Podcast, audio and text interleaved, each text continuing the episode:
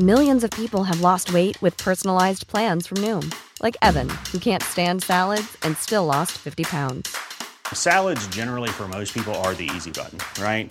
For me, that wasn't an option. I never really was a salad guy. That's just not who I am. But Noom worked for me. Get your personalized plan today at Noom.com. Real Noom user compensated to provide their story. In four weeks, the typical Noom user can expect to lose one to two pounds per week. Individual results may vary. Burrow's furniture is built for the way you live. From ensuring easy assembly and disassembly to honoring highly requested new colors for their award-winning seating, they always have their customers in mind. Their modular seating is made out of durable materials to last and grow with you. And with Burrow, you always get fast, free shipping. Get up to 60% off during Burrow's Memorial Day sale at burrow.com slash ACAST. That's burrow.com slash ACAST. burrow.com slash ACAST. I'm Sandra, and I'm just the professional your small business was looking for. But you didn't hire me because you didn't use LinkedIn jobs. LinkedIn has professionals you can't find anywhere else, including those who aren't actively looking for a new job but might be open to the perfect role, like me. In a given month, over 70% of LinkedIn users don't visit other leading job sites. So if you're not looking on LinkedIn, you'll miss out on great candidates like Sandra. Start hiring professionals like a professional. Post your free job on linkedin.com/people today. Palmemordet Mytmosarna del 4 med sanningen som alibi. Sveriges statsminister Olof Palme är död. 90 000. Ja, det är mord på Sveavägen. Hörde de säger att det är Palme som är skjuten. Mordvapnet med säkerhet är en Smith Wesson, en revolver kaliber .357. Inte ett svar. Finns inte ett svar. För jag har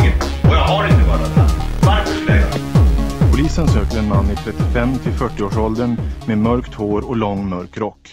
Välkomna till podden Palmemordet som idag görs av en något förkyld Tobias Henriksson på PRS Media. Jag hoppas att det ändå går att höra vad jag säger. Ni som sponsrar oss på patreon.com palmemordet vet att vi gärna belönar våra sponsorer på olika sätt. I februari 2020 kommer vi till exempel att hålla en Palmevandring dit våra sponsorer är inbjudna. Om du vill få möjligheten att delta nästa år, gå in på patreon.com palmemodet och sponsra oss med en summa som podden får per avsnitt. Det är bara på det sättet vi kan garantera en plats till dig och det beror på ett begränsat antal platser på restaurang och bar där vi kommer att vara. Idag ska vi återuppliva en gammal bekant, nämligen Mytmosarna. Ni som hängt med oss på senare tid känner till konceptet. Vi tittar på myter och konspirationsteorier i utredningen om mordet på Olof Palme och försöker se om det finns någon rimlighet i dessa eller inte. Vi kommer som vanligt med en slags sannolikhetsbedömning i slutet av avsnittet.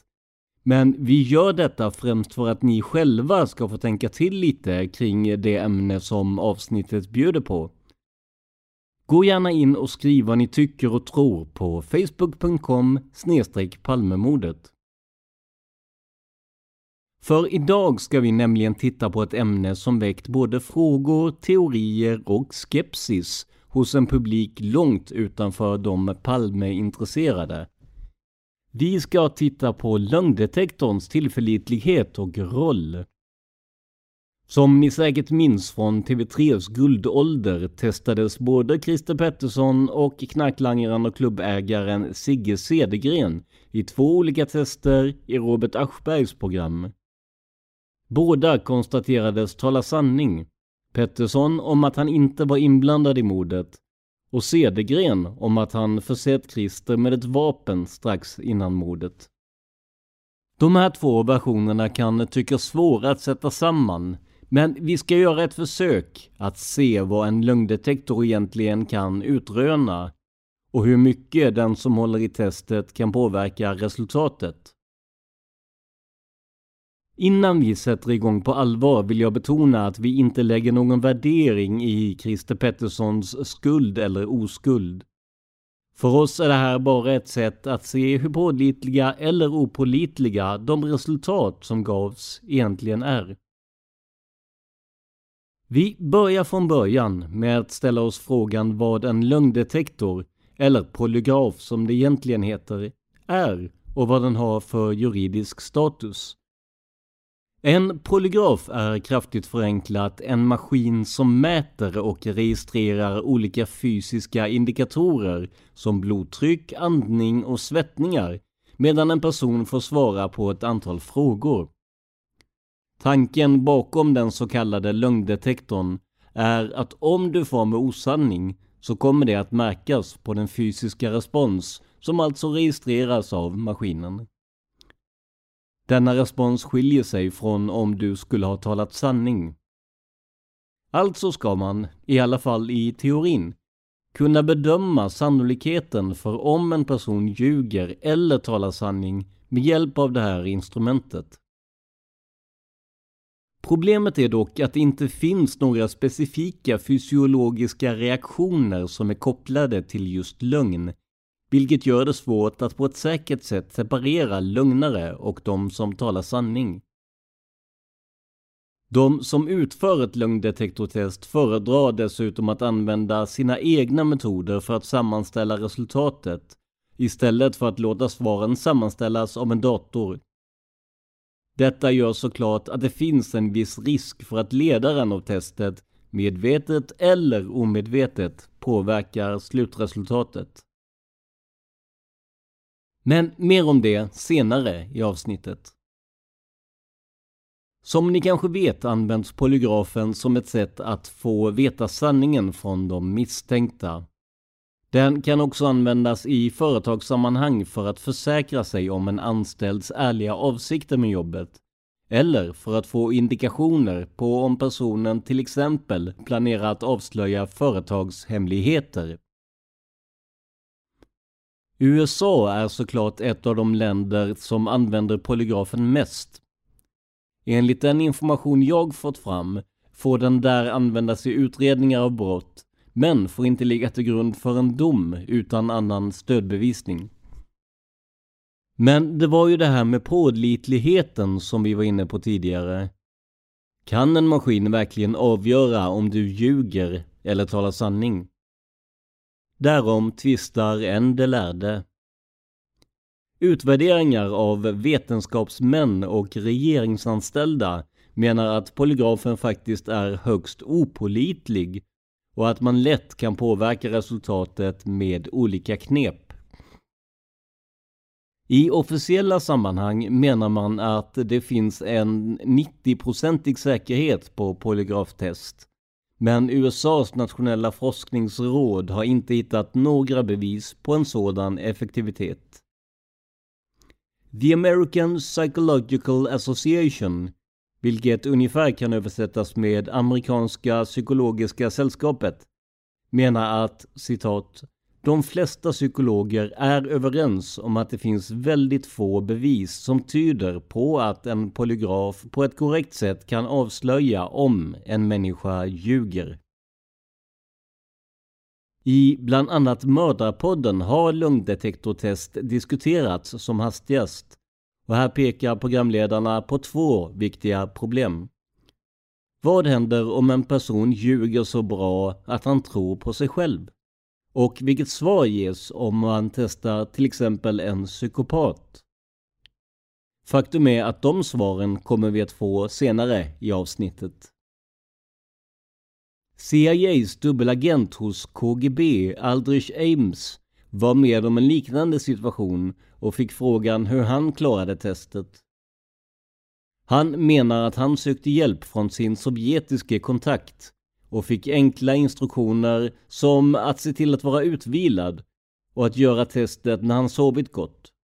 Andra tips var att vara trevlig mot den som utförde testet och att ha en story att hålla sig till förberedd. Slutligen ska man vara samarbetsvillig och försöka att hålla sig lugn. Ames förklarade också att det inte finns något magiskt sätt att klara av testet om du ljuger, utan att det är ens självförtroende som spelar störst roll. Lögndetektorn, eller polygrafen, har använts under lång tid i vårt samhälle och en tidig prototyp togs fram redan 1895. Med den bakgrunden och de förbehåll som den ger ska vi försöka titta på vad som väntade Christer Pettersson när han satte sig för att bli utfrågad i TV3. Ni vet historien i grova drag allaredan. Christer Pettersson dömdes i tingsrätten för mordet på statsminister Olof Palme, men friades sedan i hovrätten.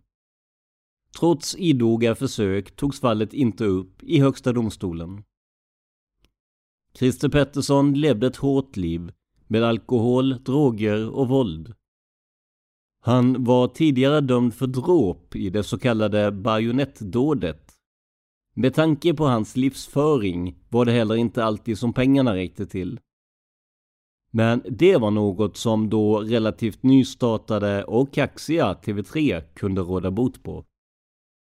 För olika rundliga summor fick man intervjua den misstänkte Palmemördaren, som inte var dummare än att han spelade med för att kunna dra in mer pengar.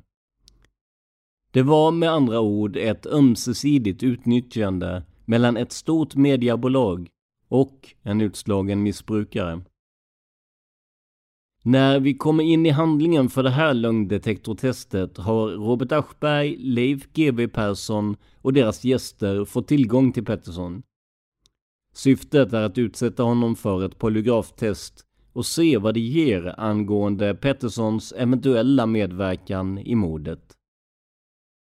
De summor som Pettersson ska ha fått för detta varierar beroende på källa men sträcker sig upp till 250 000. I programmet är det den tyska experten Udo Undeutsch som ska intervjua Pettersson i samband med lögndetektortestet. Han är professor vid Kölns universitet och är, enligt egen utsago, expert på polygrafer. Och Undeutsch är noga med att inte kalla maskinen för lögndetektor utan just polygraf. För enligt honom kan inte en maskin avslöja om man ljuger eller inte. I sanning ett intressant ingångsvärde för att använda det mot en misstänkt mördare. Udo Undeutsch pratar viss svenska, men väljer i programmet att konversera med panelen på engelska medan han ställer frågorna till Christer Pettersson på svenska eller via tolk. Professorn har genomfört ungefär 500 tester med polygraf, samtliga vid brottsmål. Genomgående är det amerikanska försvarsadvokater som kontaktat honom om det här.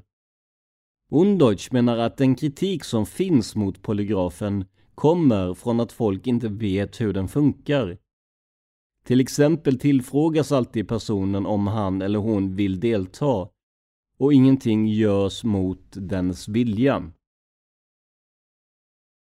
En av panelmedlemmarna, advokat Leif Silbersky, frågar om det går att bluffa testet. Professor Deutsch svarar då att det inte går att påverka resultatet, vilket går tvärt vad vi har hört innan.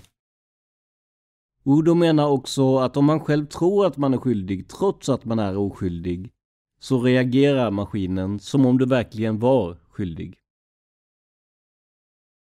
Men om en person har en grav psykisk störning, hur går det då? undrar advokat Claes Borgström, som senare mest blivit känd för att han ihärdigt försvarade Thomas Quick och dennes övertygelse om sin egen skuld. Professor Undeutsch menar att man gjort experiment med en kanadensisk forskare som är specialiserad på psykopater och sociopater. Om psykopater är misstänkta i ett riktigt fall ger de samma resultat som normala människor. Undeutsch menar också att ett expertutlåtande av den här typen bara är ett bevis i någon riktning. Det är inte hela utredningen. Men trots det menar professorn att polygrafen visar rätt i 90-95% av fallen. När Christer Pettersson genomförde polygraftestet hade han precis kommit ut ur fängelset och sägs inte haft tillfälle att dricka alkohol eller ta narkotika. Två saker som kan påverka resultatet av provet. Det var enbart fyra personer i det rum som användes för testet. Professorn, hans assistent, en tolk och såklart Christer Pettersson själv. Christer sitter i rummet med sitt vanliga sammanbitna ansikte och svarta ögon. Men visar upp en såväl humoristisk som intellektuell sida då han både pratar tyska med professor Deutsch och skojar med honom under introduktionen. Christer får frågan om han är vid god hälsa och han svarar att han är det. Han bekräftar att han inte tagit droger eller druckit alkohol de senaste 24 timmarna. Faktum är att vid tiden för intervjun har Christer enligt egen utsago varit nykter i två år, vilket såklart beror på det fängelsestraff han precis lämnat bakom sig.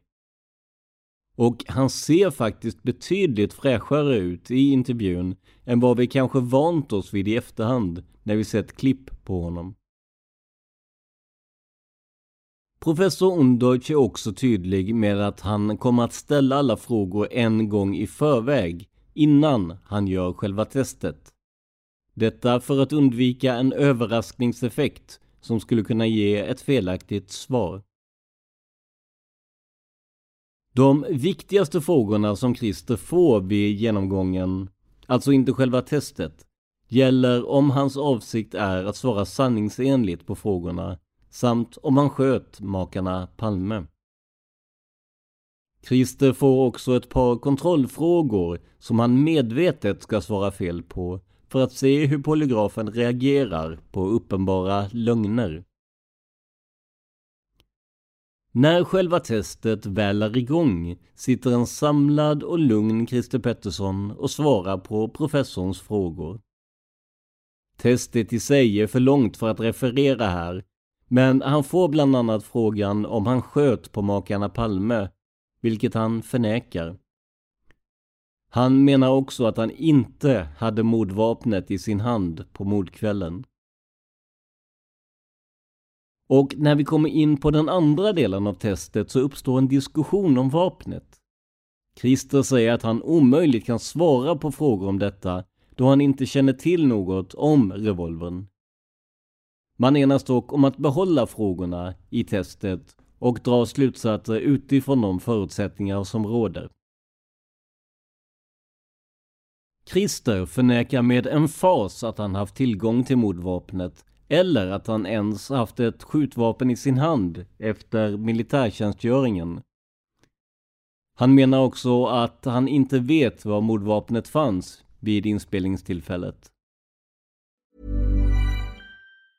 If you thought the only way to get a more defined jawline with natural-looking results was through surgery, think again. Juvederm Volux XC is a non-surgical injectable gel filler that improves moderate to severe loss of jawline definition and can help you achieve natural-looking results with little downtime. Even better, this improved definition lasts up to one year with optimal treatment. No maintenance required. Improve jawline definition for a smooth, sculpted look with Juvederm Volux XC. For important safety information and to find a licensed specialist, visit juvederm.com. That's J U V E D E R M.com. Not for people with severe allergic reactions, allergies to lidocaine, or the proteins used in Juvederm. Common side effects include injection site redness, swelling, pain, tenderness, firmness, lumps, bumps, bruising, discoloration, or itching. There's a risk of unintentional injection into a blood vessel, which can cause vision abnormalities, blindness, stroke, temporary scabs, or scarring. Talk to a licensed specialist to find out if it's right for you. This Mother's Day, celebrate the extraordinary women in your life with a heartfelt gift from Blue Nile.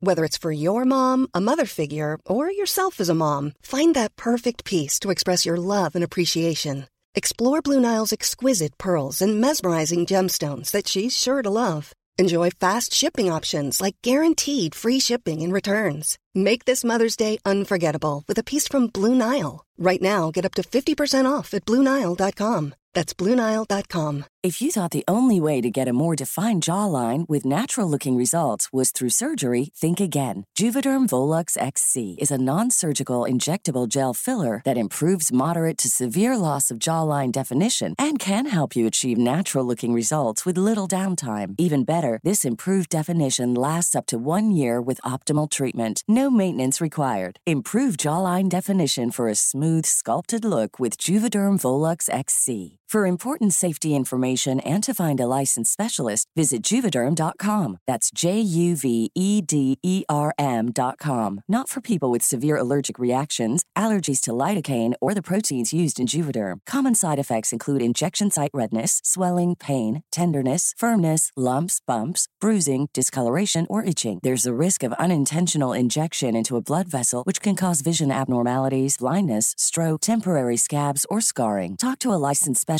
to find out if it's right for you.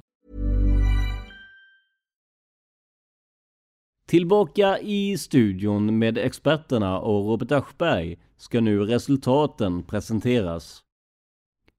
Undeutsch börjar med att förklara hur man räknar ut sannolikheten för att Christer Pettersson talar sanning eller ljuger. Mer om det kan ni själva se i klippet. Resultatet på testet blir plus 10 för Christer Pettersson. Enligt professorn innebär en total poäng på minus 6 eller lägre att den intervjuade personen ljuger. Om resultatet är plus 6 eller högre så betyder det att han svarat sanningsenligt på de relevanta frågorna. Alla resultat mellan minus 5 och plus 5 är ofullständiga. Enligt Undeutsch ligger sannolikheten att Christer Pettersson svarat sanningsenligt på runt 95%. I alla fall i vanliga fall. Men med tanke på den långa tid som gått sedan brottet utfördes måste man räkna ned sannolikheten lite det finns ingen forskning på intervjuer så långt efter brottet och det är därmed svårt att helt fastställa procentsatsen som talar för Christer Petterssons oskuld. Men Undeutschs erfarenhet säger att det finns en sannolikhet på runt 80% att Christer Pettersson inte är mördaren. När det kommer till frågan om mordvapnet blir resultatet ännu högre nämligen plus 12. Detta talar med ännu tydligare sannolikhet för att han inte haft vapnet i sin hand eller att han vet vad som hände med det. Faktum är att han fick en poäng på plus 8 på just frågan om han visste vad som hänt med vapnet. Vilket enligt professorn är ett mycket högt resultat för en enda fråga. Detta talar mycket starkt för att Christer Pettersson talar sanning. Han vet inte var vapnet finns. Totalt vad gäller vapenfrågorna hamnar vi på en slutsats att Christer med 80-procentig sannolikhet talar sanning. Panelen, bestående av advokater och Leif GW Persson, har svårt att dölja sin frustration med resultatet. Men får ändå köpa att det med 80% sannolikhet inte var Christer Pettersson som mördade Olof Palme. I alla fall inte om man får tro polygrafen. Men det finns ett men i det här avsnittet. Och vi ska återkomma till det senare. Vi kommer att lägga upp en länk till hela det här klippet på vår Facebook-sida facebook.com palmemordet så att ni själva kan bilda er en uppfattning. Under tiden ska vi istället fokusera på ett annat test i samma genre som även det genomfördes med benäget bistånd av TV3. Återigen är det Robert Aschberg som är programledare och i klippet diskuterar han med den amerikanska utredaren med det sympatiska namnet Mark Tobias hur testet ska gå till. Den som ska utsättas för testet är knarklangaren Sigge Cedergren. För i den här vevan fanns det uppgifter om att mordvapnet kom från Sigge eller från hans klubb. Stämde det? Eller var det ren bluff? Det försökte TV3 och Mark Tobias att ta reda på med hjälp av en polygraf. Vid den inledande intervjun förnekar Sigge att han ens var vän med Christer, utan menar att de som mest var affärspartners. Värt att notera är också att hela det här inslaget spelades in kort innan Sigge avled och frågor om hans mentala och fysiska tillstånd vid intervjun har såklart höjts. I den inledande intervjun säger Cedergren att han fått två revolvrar i utbyte mot knark och att han sedan lånat ut den ena till just Pettersson mellan hösten 1985 och januari 1986. Det ska vara en stor revolver med en mörkbrun eller svart kolv. Revolvern ska ha varit blå och ha haft en stor pipa. Den ska ha getts som lån till Pettersson för att skjuta salut med på en väns födelsedag. Vi får inte se hela testet, men Mark Tobias menar att de kan ge ett entydigt svar och att testet är effektivt. Även Mark Tobias påpekar de många svårigheter som finns med den här situationen. Bland dessa nämns förstås att Cedergren är döende i cancer och också tar morfin mot smärtorna. Förutom detta har vi samma tidsaspekt att ta hänsyn till som Udo Undeutsch tidigare pratade om. Det har nu gått tio år sedan mordet när inslaget spelades in. Mark Tobias menar dock att de olika svårigheterna inte påverkade resultatet. Enligt resultaten ska Pettersson ha bett Cedergren att lämna ett falskt alibi till polisen för tiden för mordet. Men inte bara det. Samma resultat visar också att Cedergren talade sanning om att han lämnat ett vapen till Pettersson. Något som sätter Christers tidigare test i en helt annan dager. Som ni säkert kan förstå är Christer Pettersson allt annat än nöjd med det resultat som kom fram när han intervjuas senare i programmet. Även det här klippet länkar vi på vår Facebook-sida. Och när intervjun med Christer Pettersson spelas in är han tillbaka i sitt gamla jag igen. Han ser betydligt mer härjad och sliten ut. Den svarta blicken matchar det svarta håret och den lika svarta skinnjackan. Och han ser mycket mer ut som de bilder som säkert många av oss sett på den misstänkte mördaren Christer Pettersson. Men hur var det då med tillförlitligheten i de här båda fallen? Låt oss börja med att konstatera det uppenbara och det som våra två experter också pratat om. Det har gått en väldigt lång tid sedan mordet när respektive program spelades in. Dessutom är Christer Pettersson känd för ett hårt leverne och även om han var nykter vid inspelningen kan man misstänka att eh, alla år med alkohol och droger satt sina spår. Vad som inte nämns här är dessutom att han vid 15 års ålder hamnade i bråk om en cigarett utanför porten till sin bostad. Han fick ett slag mot högra ögat som först inte verkade så allvarligt. Men en vecka senare tappade han medvetandet och fördes till sjukhus. Diagnosen blev hjärnskakning och ett kraftigt epilepsianfall utlöst av hjärnskakningen. Eventuellt på grund av en blödning. Pettersson blev kvar två veckor på sjukhuset men dåtidens medicinska teknik kunde inte fastställa någon särskild hjärnskada, förutom epilepsin. Senare i livet nämnde både Pettersson själv och hans läkare detta som en händelse som kan ha påverkat honom, både vad gäller impulskontroll och aggressioner. Är en sådan person ideal för att utredas med hjälp av lögndetektor? Knappast, om man läser vad vi idag vet om den här utredningsmetoden. Men å andra sidan har vi ett stort antal svårigheter med Sigge Cedergren också. Han var som sagt döende och hade långt framskriden cancer.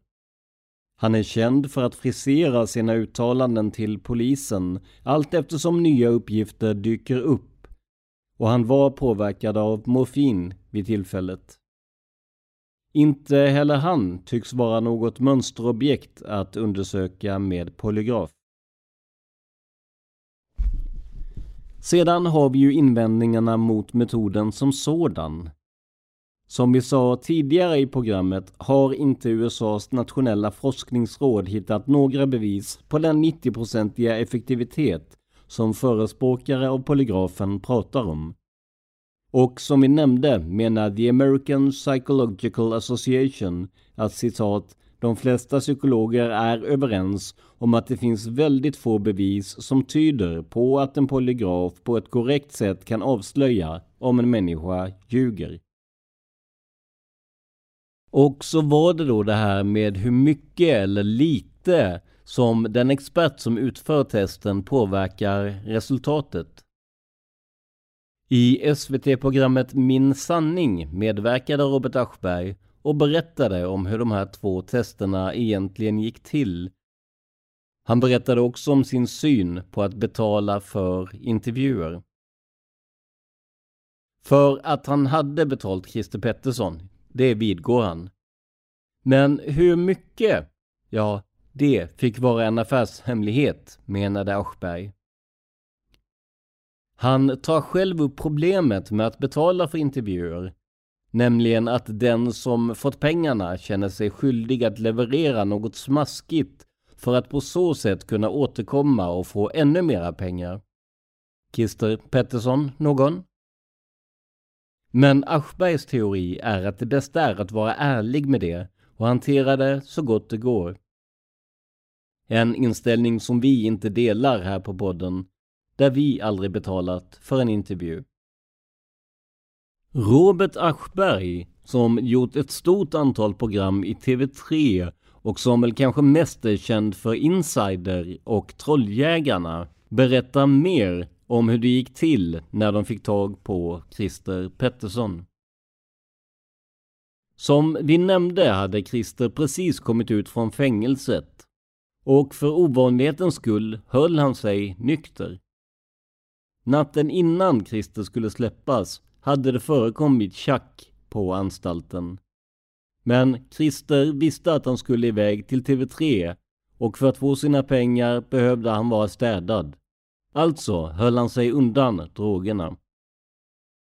När teamet från TV3 hämtade Christer Pettersson vid anstalten var det tre dagar till lungdetektortestet skulle göras. Det var av yttersta vikt att hålla Christer borta från alla frestelser i form av alkohol och droger. Det var också väldigt viktigt att andra medier inte fick tag på Christer Pettersson före testet gjorts. För att ordna det här tog man helt enkelt en båttur ut i skärgården. Gert Fylking, som ni har hört i podden, och Robert Aschberg skulle helt enkelt hålla Christer undan från andra journalister och livets frestelser.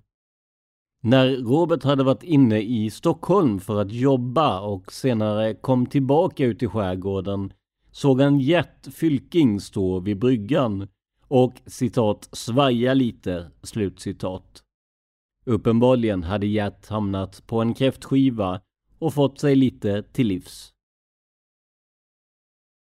Problemet som då uppstod var ju var var Christer Pettersson? Och framförallt, i vilket skick var han? Robert Aschberg bestämde sig för att gå upp till bröllopssviten som de faktiskt delade tillsammans med Christer Pettersson, om än i olika rum. När han gläntade på dörren föll en hel del möbler mot honom. Christer Pettersson hade barrikaderat dörren för att ingen skulle ta sig in. Men själv fanns han inne på rummet, nykter och städad. Det var alltså inga problem att fortsätta äventyren i skärgården för att sedan, nyktra och städade, återgå till arbetet och det polygraftest som vi nu hört om. Robert Aschberg säger i intervjun att han inte tror på lögndetektorer och att professor Udo Undeutsch ska ha haft ett så kallat track record av att fria nio gånger av tio. Huruvida detta är sant eller inte har inte gått att få reda på, utan vi tvingas lita på Roberts ord här. Och det är inte alltid lätt, för han kan ibland vara lite yvig när han själv ska intervjuas.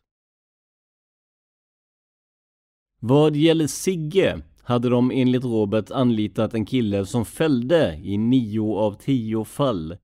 Det vill säga direkta motsatsen till Undeutsch. Inte heller detta har gått att bevisa. Men Robert Aschberg skriver själv om händelsen i Aftonbladet 2011. Citat. I USA används lögndetektorer regelmässigt av polisen och andra myndigheter som vill kontrollera anställda och arbetssökande. Flera spioner har dock klarat proven med glans. Och enligt vissa källor fälls upp till 47 procent av dem som testas, fast de är oskyldiga. För många år sedan testade vi den misstänkte Palmemördaren Christer Pettersson i lögndetektor. Han friades. Några år senare testade vi Sigge Cedergren, Petterssons knarklangare vid tiden för statsministermordet. Cedergren låg på sin dödsbädd och ville berätta att Pettersson haft tillgång till en revolver som fanns i Cedergrens lägenhet. Cedergrens berättelse stämde, enligt provet med lögndetektor.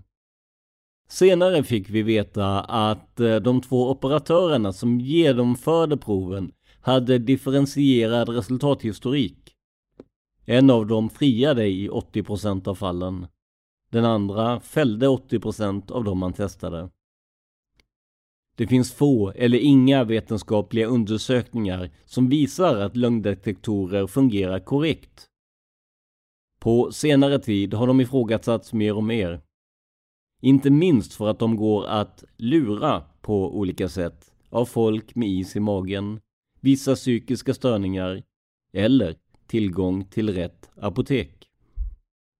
Pseudovetenskap således. Slut citat. Här har alltså procentsatsen sjunkit något, men andemeningen är densamma. Programledaren Cecilia Bodström i SVTs Min sanning ställer samma fråga som jag ställde mig när jag läste detta. Men varför gjorde ni testet då? Robert Aschberg svarar utan att blinka. För att det var bra TV. Han fortsätter med att säga att han inte trodde att det skulle kunna avslöja något, utan snarare kanske bygga en relation med Pettersson inför framtiden. Men när testen gjordes var det bara för tittarsiffrorna, enligt Aschberg. Men fanns det inga moraliska betänkligheter? undrade Cecilia Bodström. Varpå Robert kort svarar Nej, varför det? Han säger också i samma program att han inte tror att det finns någon annan förklaring än att Christer Pettersson tog livet av Olof Palme. Om han trodde det redan när programmen gjordes, vilket han förnekar, kan även hans tro ha påverkat såväl upplägg som val av medverkande i programmen. Så vad går då egentligen att komma fram till? Låt oss börja med att bra TV sällan är en grogrund för att få fram sanningen. Så personligen skulle jag inte döma vare sig Christer eller Sigge utifrån det som hänt i en studio på TV3. Om vi dessutom lägger till de två personernas olika problem och livsföring så finns det en uppenbar risk att sannolikheten minskar ytterligare att man får fram sanningen. Och vad visste Udo Undeutsch om Christer Petterssons tidigare liv och vanor? Vad hade experterna fått veta innan? Det får inte vi som tittare reda på, vilket gör det extra svårt att dra några egentliga slutsatser. Om vi sedan tittar på personerna som var med i programmet där Christer Pettersson utsattes för lögndetektortest så blir det hela än mer komplicerat. Robert Aschberg medger att han tycker att Christer Pettersson är den enda rimliga statsministermördaren. Gert Fylking har i ett stort antal program haft med just Christer Pettersson, försökt få honom att erkänna och intervjuat honom om vad som hände eller inte hände den 28 februari 1986. Ja, till och med förespråkaren för någon slags landsförrädarspår, Leif GW Persson, var på den tiden inne på att Christer Pettersson var en ytterst möjlig mördare. Det gör att vi har tre huvudpersoner som är övertygade om Christer Petterssons skuld. Till det kommer advokaterna i panelen som i sin tur gärna tycks se att Christer Pettersson fälls. Kanske för att på något sätt återupprätta deras yrkesheder. Scenen där Leif Silbersky går hårt åt Christer Pettersson som i sin tur stormar ut ur studion och slår hårt i dörren är numera klassisk. Så sammansättningen av personer för att fälla Christer Pettersson hade egentligen varit alldeles utmärkt. Att resultatet sedan blev som det blev var nog överraskande både för oss tittare och för de panelmedlemmar som trodde på Christer Pettersson som mördare. Låt oss konstatera att Christer har varit en bra kassako för TV3 i många år fram till sin död. Även om man skulle ha betalt ut de 250 000 som det ryktades om tjänade man snabbt in det på reklamintäkter och ökat tittande. Så det vi såg i programmen var inte vetenskap, inte i den form vi tänker oss. Det var underhållning. Till det kommer att man runt 100 år efter att den första polygrafen testades fortfarande tvistar om dess egentliga nytta. Vad visar den på? Vad kan den visa? Och hur skiljer man på resultaten för de olika personer som genomgår testen? För mig är i alla fall myten att man kan fria eller fälla våra två favoritfigurer i Palmeutredningen med hjälp av en polygraf avfärdad. Inte minst för att den inte bedöms som tillräckligt pålitlig för att användas rättsligt i Sverige. Sedan kan det såklart vara så att Christer är skyldig ändå och att han faktiskt fick vapnet av Cedergren. Men de slutsatserna går inte att dra på grund av testerna i TV3. Så i kort sammanfattning kan vi konstatera att varken Christer eller Sigge nödvändigtvis hade sanningen som alibi. Vad tycker ni om lögndetektortest och de program som Aschberg och kompani gjorde under 90-talet? Tror ni att testerna faktiskt avslöjade något som jag valt att avfärda? Gå in och kommentera på facebook.com palmemordet. Och som vanligt, det bästa som kan hända är att ni är av en annan uppfattning än mig. För det är det bästa sättet att hålla diskussionen vid liv. Till sist, se till att du är en av dem som kommer att erbjudas en plats på Palmevandringen nästa år. Det gör du genom att bli sponsor på patreon.com palmemodet. Det går också att donera via Swish. Kontakta oss i privat meddelande på Facebook så får ni numret.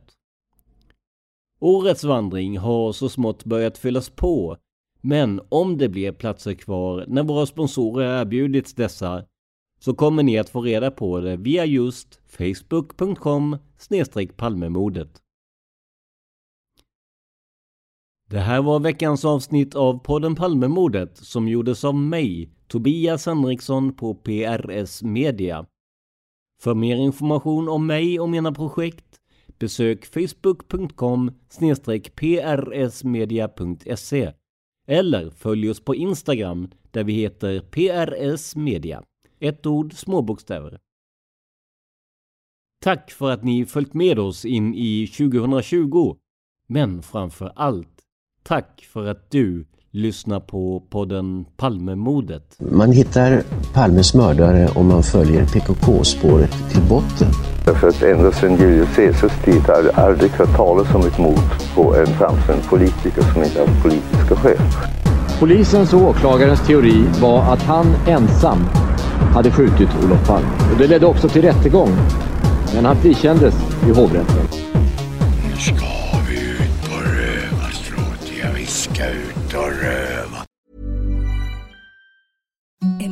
Softest sheets you've ever felt. Now imagine them getting even softer over time. That's what you'll feel with Bowl and Branch's organic cotton sheets. In a recent customer survey, 96% replied that Bowl and Branch sheets get softer with every wash. Start getting your best night's sleep in these sheets that get softer and softer for years to come. Try their sheets with a 30-night guarantee. Plus, get 15% off your first order at bowlandbranch.com. Code BUTTERY. Exclusions apply. See site for details. Even when we're on a budget, we still deserve nice things.